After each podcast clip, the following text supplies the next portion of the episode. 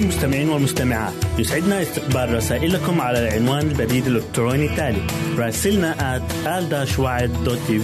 مرة أخرى بالحروف المتقطعة r a s i l n a at a l شرطة w a a d في منتظرين رسائلكم.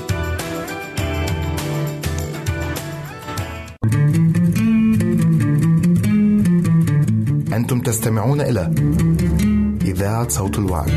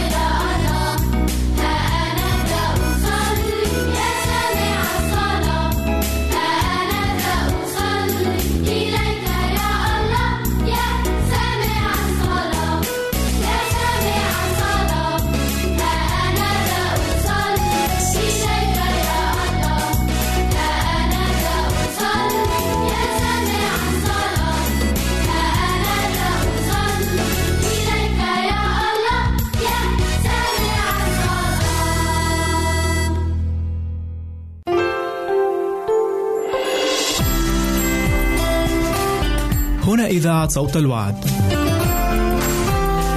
لكي يكون الوعد من نصيبك. يمكنك استماع وتحميل برامجنا من موقعنا على الإنترنت www.awr.org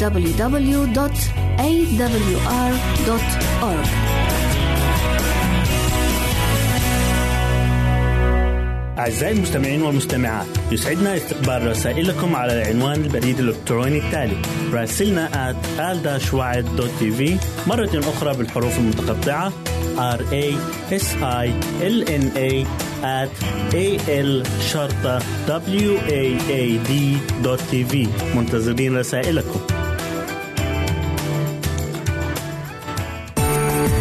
إذا أردت دراسة الكتاب المقدس يمكنك الكتابة إلينا على عنواننا وستحصل على هدية قيمة بعد انتهائك من الدراسة.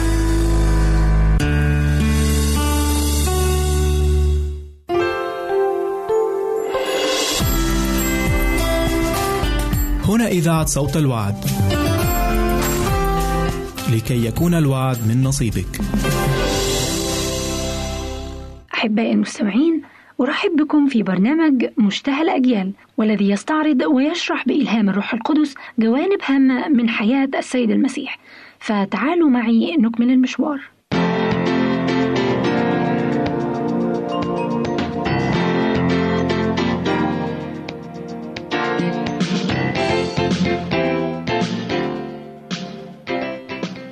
خطر الانجراف وراء الرسميات. لقد كانت خدمة المسيح على طرفي نقيض مع خدمة شيوخ اليهود إن حرصهم على حفظ التقاليد والرسميات والطقوس قضى على الحرية الحقيقية للتفكير والعمل. لقد عاشوا طيلة حياتهم في رعب دائم من التنجس فلكي يتحاشوا النجسين كانوا يترفعون ليس فقط عن الأمم بل أيضا عن الأكثرية الساحقة من بني أمتهم وبذلك لم يحاولوا أن ينفعوهم أو يكسبوا صداقتهم. وإذ ظلوا يفكرون في تلك الأمور صغرت عقولهم وضاق نطاق حياتهم وكان مثالهم مشجعا للأنانية والتعصب بين طبقات الشعب. شرع يسوع في عمل الإصلاح بكونه أبدى عطفا شديدا على البشرية. ففي حين أنه أبدى أعظم احترام للشريعة الإلهية فقد وبخ الفريسيين على تقواهم المصطنعة وحاول أن يحرر الشعب من القوانين التي لا معنى لها والتي أسرتهم وحاول أن ينقذ السياجات التي كانت تفصل طبقات الشعب عن بعضهم البعض لكي يجمع الناس معا كأفراد أسرة واحدة. وهكذا كان حضوره إلى ذلك العرس خطوة في سبيل تحقيق ذلك القصد. لقد وجه الله يوحنا المعمدان للسكنة في البرية ليتقي شر تأثير الكهنة ومعلمي الشعب ولكي يتأهب لرسالة خاصة. ولكن صرامة حياته وعزلته لم تكونا مثالا يحتذيه الشعب. فهو نفسه لم يوصي سامعيه باعتزال واجباتهم ولكنه أمرهم بأن يبرهنوا على توبتهم بأمانتهم لله في عملهم الذي قد عينه لهم. وبخ المسيح الانغماس والإفراط في كل صورهما ومع ذلك كان اجتماعيا بطبيعته وكان يقبل كرم الضيافة مع كل الطبقات ويزور بيوت الأغنياء والفقراء العلماء والجهلاء على السواء. وكان يحاول أن يسمو بتفكيرهم عن شؤون الحياة العادية إلى الأمور الروحية الأبدية ولم يكن يتسامح مع الانغماس في الشهوة ولم يشوه تصرفاته أي أثر للرعونة العالمية. ومع ذلك فقد سرته مناظر السعادة البريئة وبحضوره صادق على مجالس الإناث. كانت حفلات الأعراس اليهودية فرصا تجلت فيها الحشمة والوقار ولم تكن الأفراح مغيضة لابن الإنسان. فإذ حضر يسوع هذه الوليمة أضفى على الزواج كرامة عظيمة على اعتبار أنه دستور إلهي. العلاقة الزوجية. في العهد القديم والعهد الجديد كليهما تستخدم العلاقة الزوجية كرمز للاتحاد الحبي المقدس الكائن بين المسيح وشعبه، وقد كان المسيح يفكر أن أفراح ولائم الأعراس تشير إلى الأمام إلى فرح ذلك اليوم الذي فيه سيأتي بعروسه إلى بيت الآب ويجلس المفديون مع فاديهم في عشاء عرس الخروف، فهو يقول: كفرح العريس بالعروس يفرح بك إلهك. لا يقال لك بعد مهجورة بل تدعين حفصيبة لأن الرب يسر بك. يبتهج بك فرحا يسكت في محبته يبتهج بك بترنم. عندما سمح ليوحنا الرسول أن يرى الرؤى السماوية كتب يقول وسمعت كصوت جمع كثير وكصوت مياه كثيرة وكصوت رعود شديدة قائلة هللويا. فإنه قد ملك الرب الإله القادر على كل شيء لنفرح ونتهلل ونعطه المجد لأن عرس الخروف قد جاء وامرأته هيأت نفسها. طوبى للمدعوين إلى عشاء عرس الخروف. لقد رأى يسوع في كل نفس شخصا ينبغي أن تقدم له الدعوة للدخول إلى ملكوته. فوصل إلى قلوب الناس لأنه كان يسير بينهم كمن يطلب لهم الخير. كان يسعى إليهم في الشوارع العامة وفي المنازل وفي قوارب الصيد وفي المجمع وعلى شواطئ البحيرة وفي وليمة العرس وكان يلتقي بهم حيث كانوا يزاولون أعمالهم يوميا وأبدى اهتمامه بشؤونهم الدنيوية. وكان يقدم تعاليمه للعائلات جاعلا الناس وهم في بيوتهم يحسون بحضوره الإلهي فعطفه نحو كل فرد منهم شخصيا سبى قلوبهم. وفي أحيان كثيرة كان يذهب إلى الجبال ليصلي منفردا ولكن هذا كان إعدادا له ليقوم بعمله بين الناس في حياة الخدمة. وبعد ذلك كان يخرج ليخفف آلام المرضى ويعلم الجهال ويحطم قيود أسر الشيطان. علم يسوع تلاميذه بالاتصال الشخصي والمعاشرة.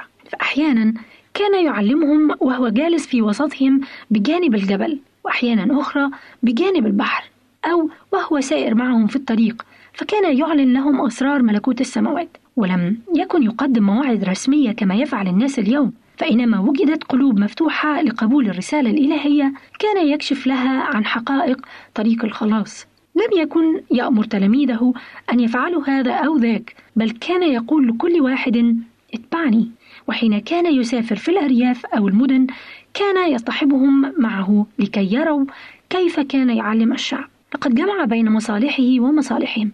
فشاركوه في العمل. الارتباط بمصالح البشر.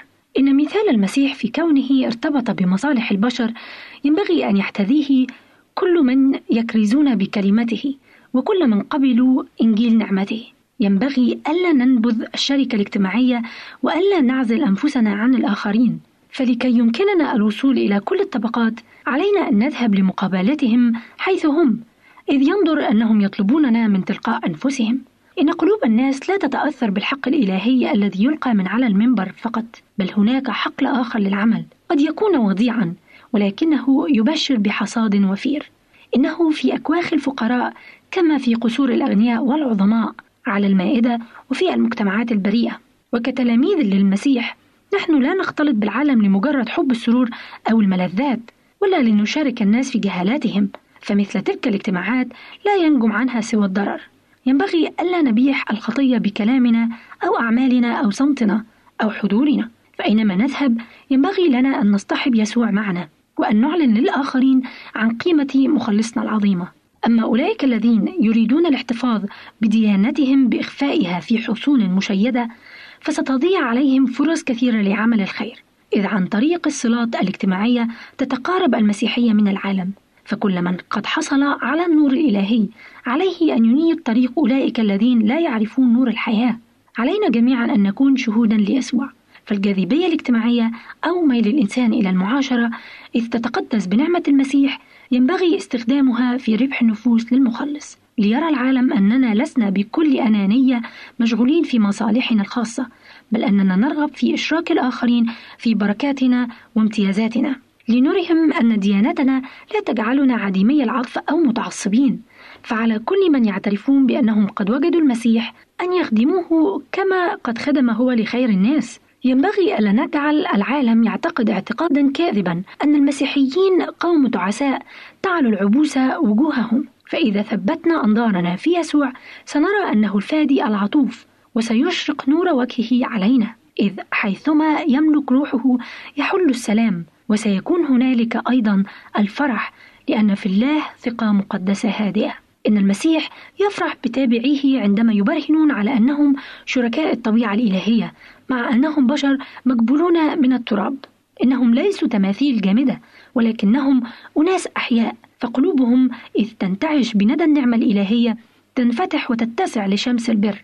والنور الذي يشع عليهم يعكسونه على الآخرين في أعمالهم المنيرة بمحبة المسيح. مستمعي الكرام أصلي أن يكون ما سمعناه له التأثير الإيجابي على حياة كل منا وأن تكون حياة المسيح وردود أفعاله وتصرفاته المليئة بالحكمة والمحبة للبشر أن تكون بمثابة المثال الذي نقتدي به كما أشار لنا الرسول بطرس في رسالته الأولى والإصحاح الثاني والعدد 21 عن المسيح أنه تاركا لنا مثالا لتتبعوا خطواته.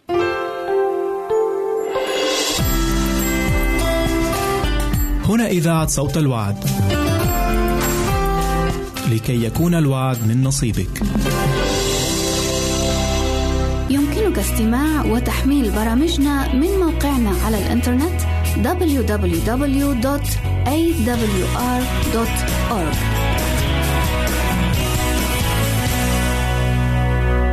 أعزائي المستمعين والمستمعات يسعدنا استقبال رسائلكم على العنوان البريد الإلكتروني التالي راسلنا at al مرة أخرى بالحروف المتقطعة R A S I L N A at A L شرطة W A A D منتظرين رسائلكم. إذا أردت دراسة الكتاب المقدس يمكنك الكتابة إلينا على عنواننا وستحصل على هدية قيمة بعد انتهائك من الدراسة.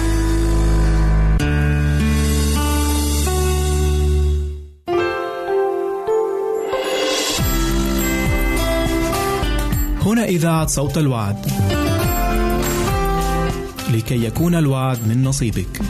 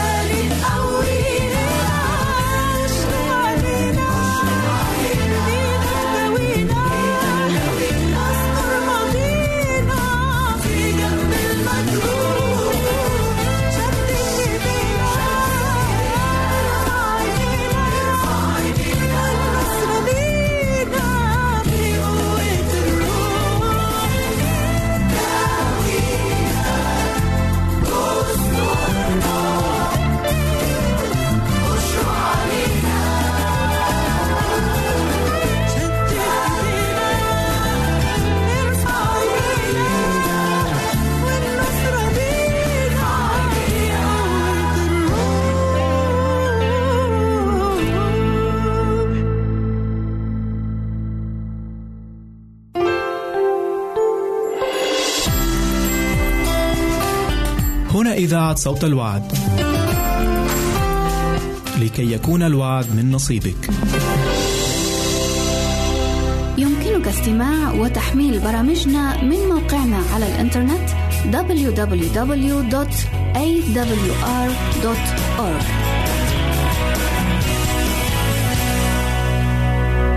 أعزائي المستمعين والمستمعات يسعدنا استقبال رسائلكم على العنوان البريد الإلكتروني التالي راسلنا at al مرة أخرى بالحروف المتقطعة r a s i l n a at a l شرطة w a a d منتظرين رسائلكم. إذا أردت دراسة الكتاب المقدس يمكنك الكتابة إلينا على عنواننا وستحصل على هدية قيمة بعد انتهائك من الدراسة.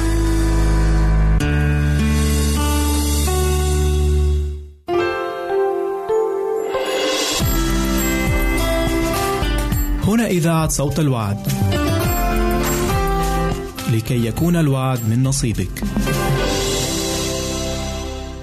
أرحب بكم مستمعينا الكرام في حلقة جديدة من برنامج دنيا الأدب. سيدور حديثنا في هذه الحلقة عن نوعين آخرين من فنون الشعر التي كتب فيها المتنبي، وهي الفخر والهجاء. فأرجو لكم برفقتي أوقاتا ممتعة.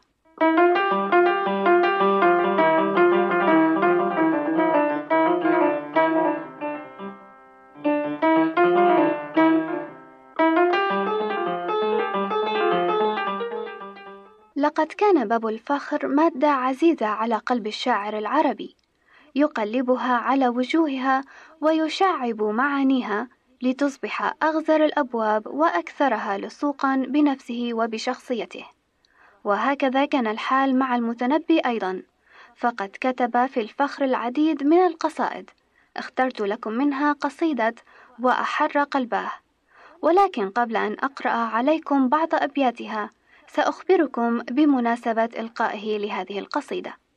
كان المتنبي في بلاد سيف الدولة عرضة للحسد والدسائس، وكان له من كبريائه وتعاليه ما يسهل للحاسدين مجال الإيقاع بينه وبين الأمير. وقد حصل هذا الأمر وتأخر الشاعر بالمديح مما أغضب الحمداني. فنظم أبو الطيب هذه القصيدة وأنشدها بعد انقطاع منه وجفاء من الأمير. وكان المجلس حافلا بالأمراء والشعراء فراح أبو فراس يقاطعه في أكثر أبياتها زاعما أنها مسروقة من دعبل وعروة بن الورد وغيرهما. وتضايق سيف الدولة من المناقشات ومن ادعاءات الشاعر فرماه بدوات أصابته بجرح طفيف. فارتجل أبو الطيب قائلا إن كان سركم ما قال حاسدنا فما لجرح إذا أرضاكم ألم؟ وأعجب الأمير ببداهته وشاعريته فرضي عنه وأدناه إليه وقبل رأسه وأجازه بألف دينار ثم أردفها بألف أخرى.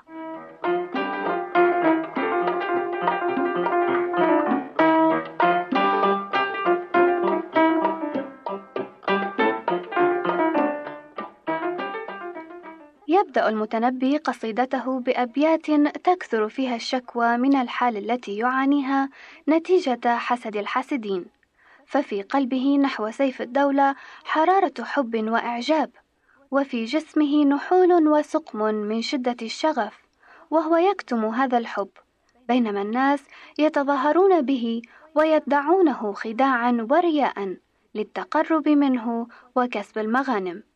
ثم ينتقل إلى عرض قضيته داعيا سيف الدولة إلى الحكم. ثم يندفع إلى تصوير ذاته فإذا هو نمط فذ بين الناس بل خير البشر. وشعره معجزة العصر يقرئ الأعمى ويسمع الأصم. وإذ كان الشعراء يسهرون ويختصمون في سبيل الوصول إلى قافية فإن المتنبي ينام عن شوارد القوافي. لأنها تأتيه متدافعة متراكمة بوحي وإلهام. ثم يفتخر بنفسه ويقول بأن الخيل والليل والسيف والرمح والقرطاس والقلم كلها شواهد حقة على ما بلغته همته. هذه الهمة التي تبعده عن العيب والنقص بعد الشيب والهرم عن علاء الثريا.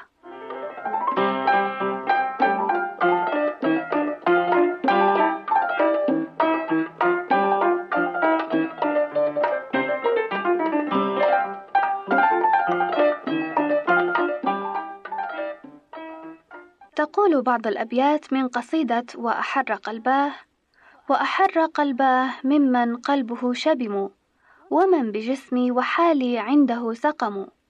ما لي أكتم حبا قد برى جسدي وتدعي حب سيف الدولة الأمم. يا أعدل الناس إلا في معاملتي فيك الخصام وأنت الخصم والحكم.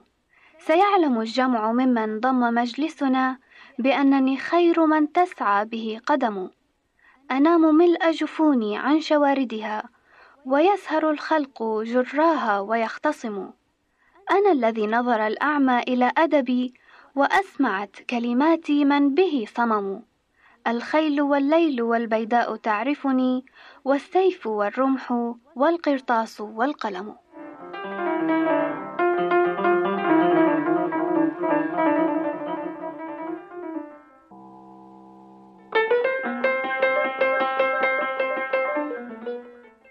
ننتقل الآن من الفخر إلى الهجاء. لم يتخذ المتنبي الهجاء سلاحا أو أداة للتكسب. ولذا قل شعر الهجاء عنده واقتصر ما نظمه منه على أفراد وقفوا في طريقه. كابن قيلغ الذي أوقف مسيره في طرابلس وضب الذي تعرض له ولجماعة من رفاقه الكوفيين. وكافور الذي آلمه وكذب وعده معه. إذ كان المتنبي في مصر يطمع بولاية يحكمها وينتظر من كافور أن يحقق له هذا الأمل. ولكن كافور راح يمنيه ويماطله حتى شعر أبو الطيب بكذب هذه الوعود وهم بترك الفسطاط للعودة إلى العراق. أحس كافور بما يجول في خاطر الشاعر وخشي من لسانه إن هو ارتحل عنه فمنعه من مغادرة مصر. ثم ضيق عليه الرقابة في بيته حتى إذا كان عيد الأضحى سنة 962 ميلادية انتهز المتنبي فرصة انشغال الحرس وهرب في ظلام الليل يعاونه بعض الأنصار ضاربا بطون بادية مجهولة لينجو بنفسه من الجند الذي يتبعه تاركا وراءه قصيدته الدالية في هجاء كافور والشعب الذي يرضى به أميرا عليه. لقد كتب المتنبي في ذلك قصيدة بعنوان عيدوا بأية حال إذا استهل الشاعر هجاءه بمطلع وجداني يصور فيه حالته عبر اختلاف الأعياد عليه متذكرا أحبته الذين تبعده عنهم المسافات متألما لما هو فيه من يأس وهموم ثم ينتقل إلى كافور وجماعته فإذا هم كذابون لؤماء يأكلون زاد ضيفهم ويمسكونه عن الرحيل ليوهموا الناس بأنهم كرماء. ثم يقول بأن الموت في هذه الحالة يصبح لذيذا لأن الذل أمر من الموت. ثم يختتم بذكر مأساة القيم التي انهارت وتناقضت فخفضت الكريم ورفعت اللئيم. تبدأ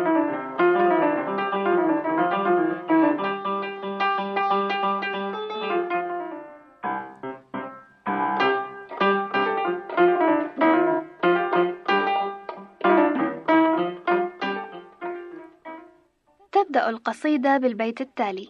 عيد بأية حال عدت يا عيد. بما مضى أم لأمر فيك تجديد. أما الأحبة فالبيداء دونهم. فليت دونك بيدا دونها بيد. لم يترك الدهر من قلبي ولا كبدي شيئا تتيمه عين ولا جيد. ولا توهمت أن الناس قد فقدوا وأن مثل أبي البيضاء موجود. جوعان يأكل من زادي ويمسكني حتى يقال عظيم القدر مقصود وعندها لذ طعم الموت شاربه إن المنية عند الذل قنديد. أولى اللئام كفير بمعذرة في كل لؤم وبعض العذر تفنيد.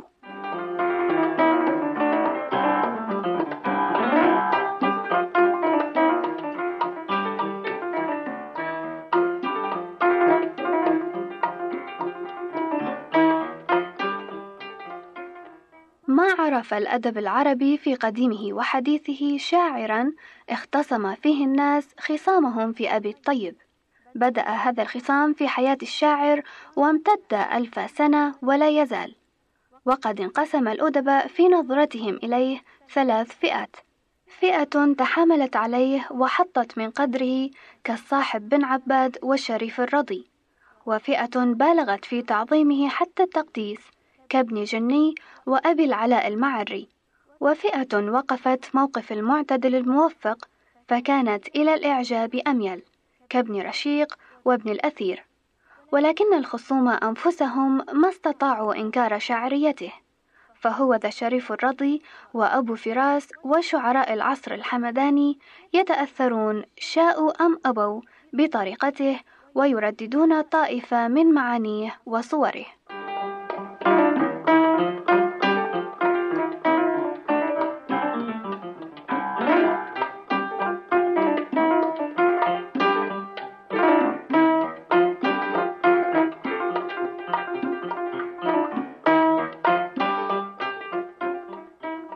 حسب المتنبي أن يكون محجة اثنين من عباقرة الشعر عند العرب أبي العلاء المعري شاعر الفلاسفة وفيلسوف الشعراء. لقد تأثر به في ثورته على الحياة وفي تشاؤمه وعد ديوانه معجزة الشعر. أما أحمد شوقي أمير الشعراء في القرن العشرين فقلده في غير واحدة من قصائده واتخذه الذروة التي يقصد نحوها ويعمل لتجاوزها. إذ قال ولو مشت بالليالي تحت كوكبه غادرت أحمد نسيا وابن حمدان. ومن أقوال أدباء العرب فيه فقد قال ابن رشيق ثم جاء المتنبي فملأ الدنيا وشغل الناس. وقال ابن الأثير إنه خاتم الشعراء ومهما وصف به فهو يفوق الوصف وفوق الإطراق.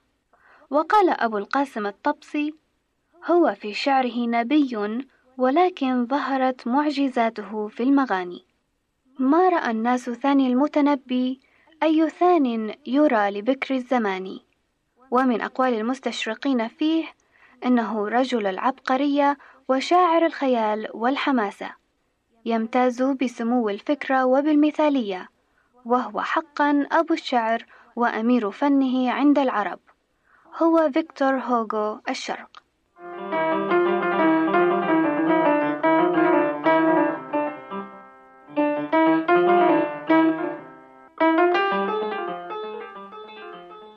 بهذا أعزائي نصل إلى نهاية حلقة اليوم والتي دارت حول بعض الفنون التي كتب فيها المتنبي. راجية أن تكون هذه الحلقة قد راقت لكم. وكما علمتم بأن المتنبي كان من أشهر شعراء الحكمة لذا سأنهي لقائي معكم بحكمتين من حكمه والتي تقول ذو العقل يشقى في النعيم بعقله وأخو الجهالة في الشقاوة ينعم ما كل ما يتمنى المرء يدركه تجري الرياح بما لا تشتهي السفن هذه هنا سليم تحييكم وتترككم في رعاية القدير.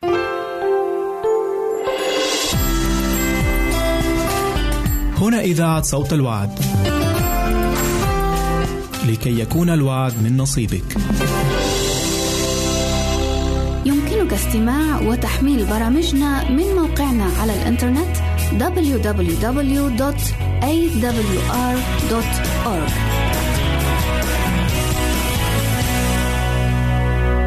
أعزائي المستمعين والمستمعات يسعدنا استقبال رسائلكم على العنوان البريد الإلكتروني التالي راسلنا at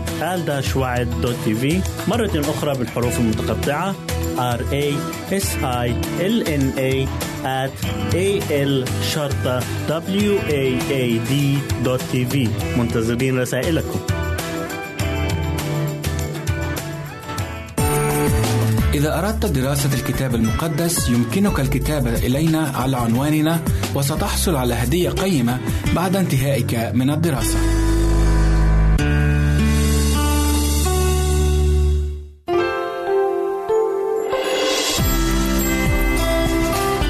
هنا إذاعة صوت الوعد. لكي يكون الوعد من نصيبك.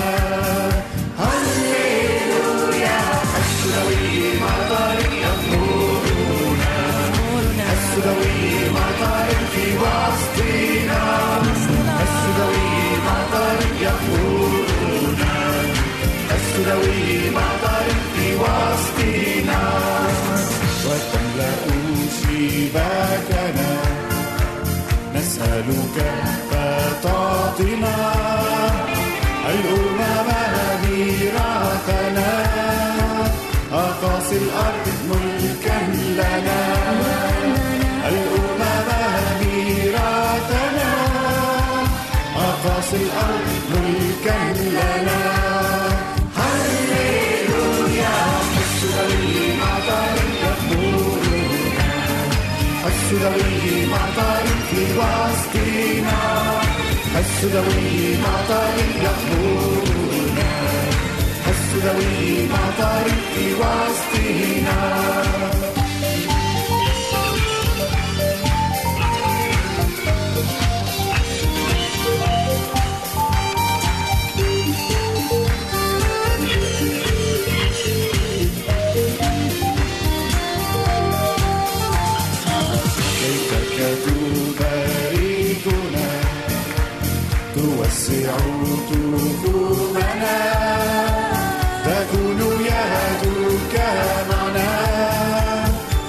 الشر تحفظنا تكون يدك معنا من الشر تحفظنا هللويا السلوي مطر يخبرنا السلوي مطر في وسطنا السلوي مطر يخبرنا السلوي مطر وسطنا وتملأ شباكنا نسألك فتعطنا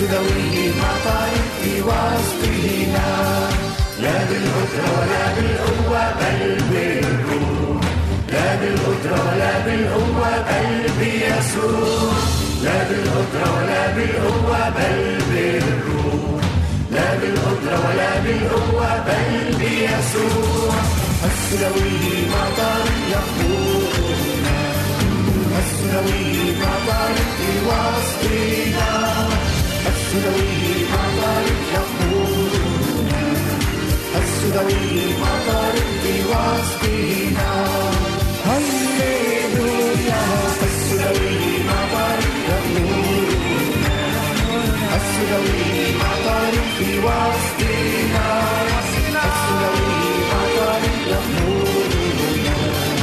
السلوي مطر في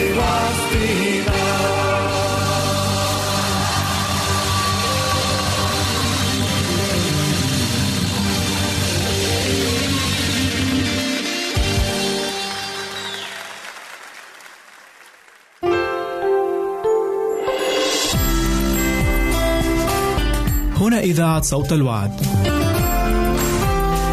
لكي يكون الوعد من نصيبك.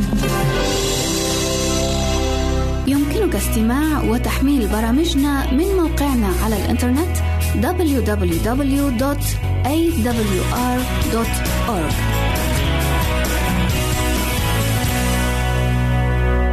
أعزائي المستمعين والمستمعات يسعدنا استقبال رسائلكم على العنوان البريد الإلكتروني التالي راسلنا at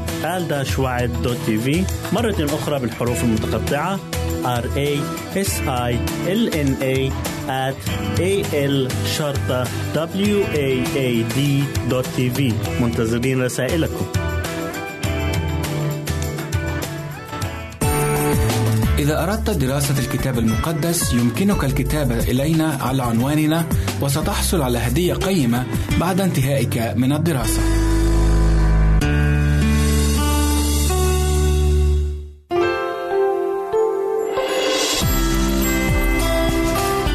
هنا إذاعة صوت الوعد. لكي يكون الوعد من نصيبك.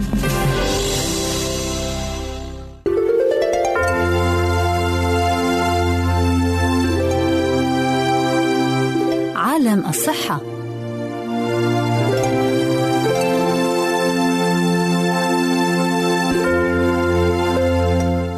سنتحدث اليوم عزيزي المستمع عزيزتي المستمعة عن موضوعين. يتعلق الأول بجفاف الشفتين أما الثاني فيتعلق بمخاطر استعمال غسول الشعر بكثرة. فأهلا وسهلا بكم.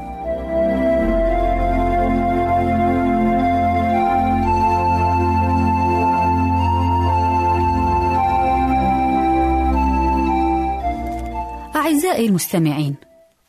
تشكو كثير من الفتيات والسيدات خصوصا من ظاهرة تشقق الشفاه. ومن المعروف أن الشفاه ترطب من الإفرازات اللعابية الناجمة عن الغدد الملحقة بالبطانة المخاطية الداخلية لغشاء الفم حيث تفرز هذه الغدد اللعاب الذي يساعد على ترطيب الشفاه بصفة دائمة. وتغطي طبقة من الجلد جزء من الشفاه. أما الجزء الآخر فيغطيه غشاء مخاطي يتكامل مع الغشاء المخاطي لغشاء الفم. وتتأثر الشفاه بعدة أمراض ومتغيرات فسيولوجية. فيحدث التشقق وبعضه أي بعض أنواع التشقق موضعي يتعلق بالفم والغدد الملحقة به. والبعض الآخر يتعلق بأمراض باطنية عديدة. ولنأتي الآن إلى الأسباب الموضعية لجفاف الشفتين وهي التعرض للهواء الجاف بغض النظر عن درجة حرارة الجو. فإذا كان الجو الخارجي حارا أو مغبرا أو باردا فإنه يؤدي إلى التجفف. كما تتأثر الشفاه عند نقص عدد من الفيتامينات وخاصة تلك المكونة لمجموعة الفيتامين بي والفيتامين دي وسي. وكذلك فإن التدخين المفرط يجفف الشفاه بالإضافة إلى استخدام بعض الأدوية المتعلقة بأمراض الغدد اللعابية. كما أن بعض عادات الطعام أعزائي تؤدي إلى تشقق الشفاه ومن ذلك كثرة تناول الأطعمة المالحة أو الحارقة فهي تؤثر في تماسك جلد الشفاه. وكذلك استخدام الصابون العادي على الشفاه. أما الأسباب العامة فتتأثر الشفاه بشكل خاص ببعض أنواع الحميات وخاصة الحميات المصاحبة لالتهاب ذات الرئة وبعض الفيروسات التي قد تصيب الجلد في هذه المنطقة مثل الهربس البسيط وأمراض جلدية أخرى مثل الصدفية. أما الأمراض الجهازية التي تؤدي إلى تشقق الشفتين فإنها تشمل بعض إصابات الأمعاء وخاصة الالتهابات الطفيلية وحالات ارتجاع الحامض المريئي وبعض إصابات المعدة. ويساعد على حدوث الجفاف في مثل هذه الحالات كثرة عودة الحامض إلى تجويف الفم. وكذلك داء البول السكري الغير مسيطر عليه وأمراض الهزال والوهن العام مهما كانت أسبابها وكذلك الفشل الكلوي وفقر الدم المزمن وكلها أسباب تؤدي إلى جفاف الشفتين. وهنا عزيزي المستمع عزيزتي المستمعة يجب مراجعة الطبيب لعلاج مثل هذه الحالات. أما إذا لم يكن السبب مما ذكر سابقا فيتم العلاج عن طريق استعمال كريمات مرطبة وأفضلها الكريمات المائية الأساس حيث توضع على الشفاه في المساء قبل النوم أو استعمال مرهم الفازلين أو زبدة الكاكاو المتوافرة في الصيدليات.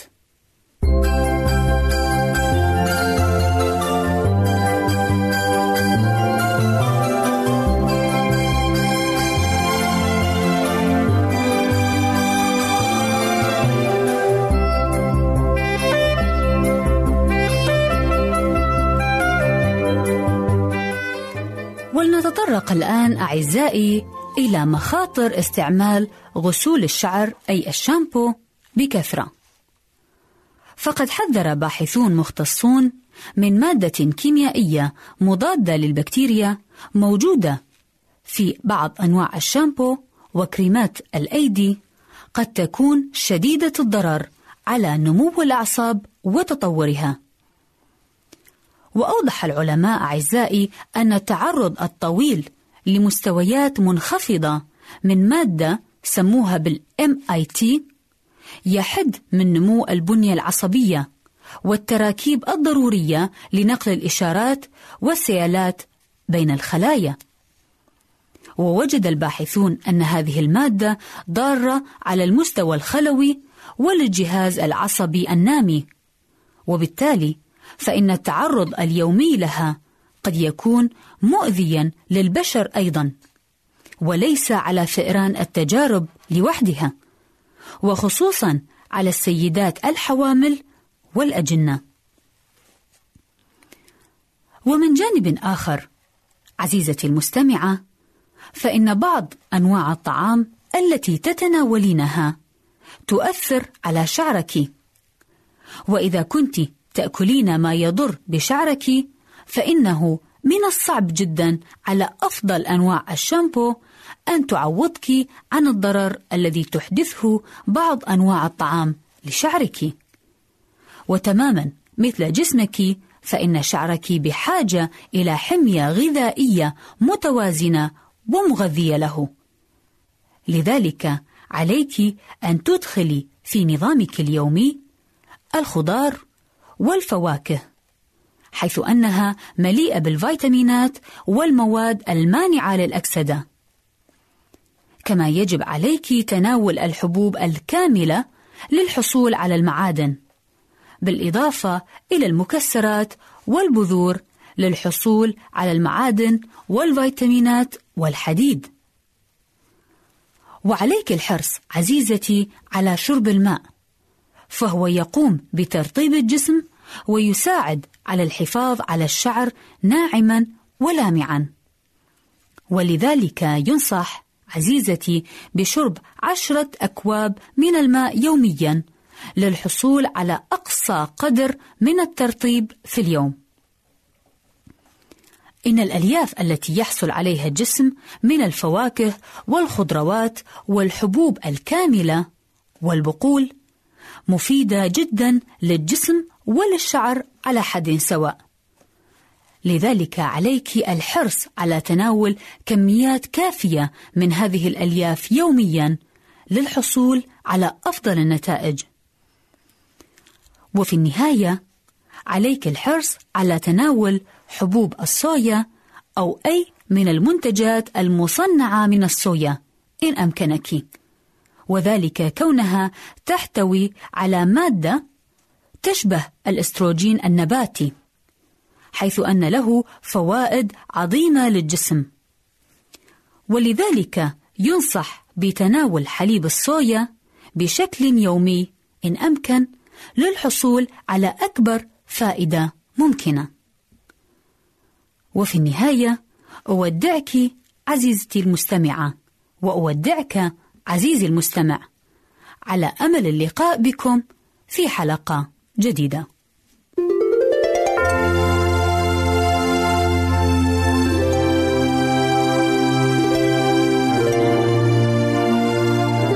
كنتم مع محدثتكم نور كمال في عالم الصحة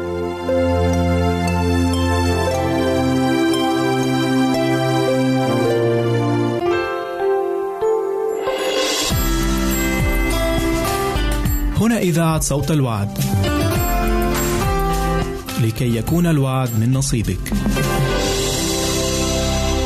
يمكنك استماع وتحميل برامجنا من موقعنا على الإنترنت www.awr.org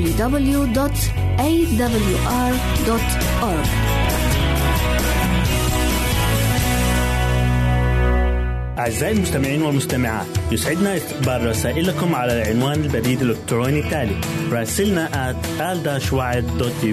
مرة أخرى بالحروف المتقطعة r a s i l n a at a l شرطة w a a d tv منتظرين رسائلكم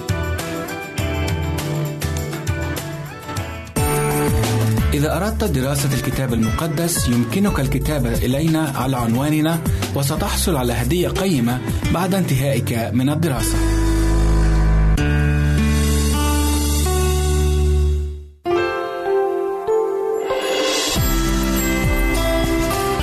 هنا إذاعة صوت الوعد. لكي يكون الوعد من نصيبك.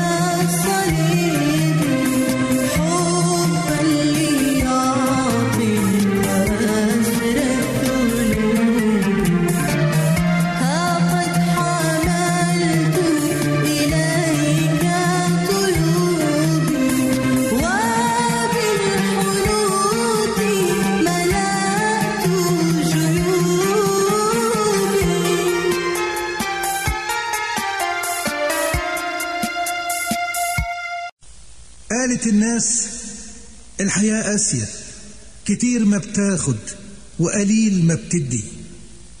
والزمن خوان وعمره ما بالأمان بيمر ويعدي. رد اللي في قلبه إيمان وقال بالإيمان وحده ردي. والمسيح هو الأمل مهما كانت الظروف ضدي. وإن قسيت الحياة أو صعب الزمن شايف مسيحي جاي. والمركبة هلا علينا ولينا بتهدي.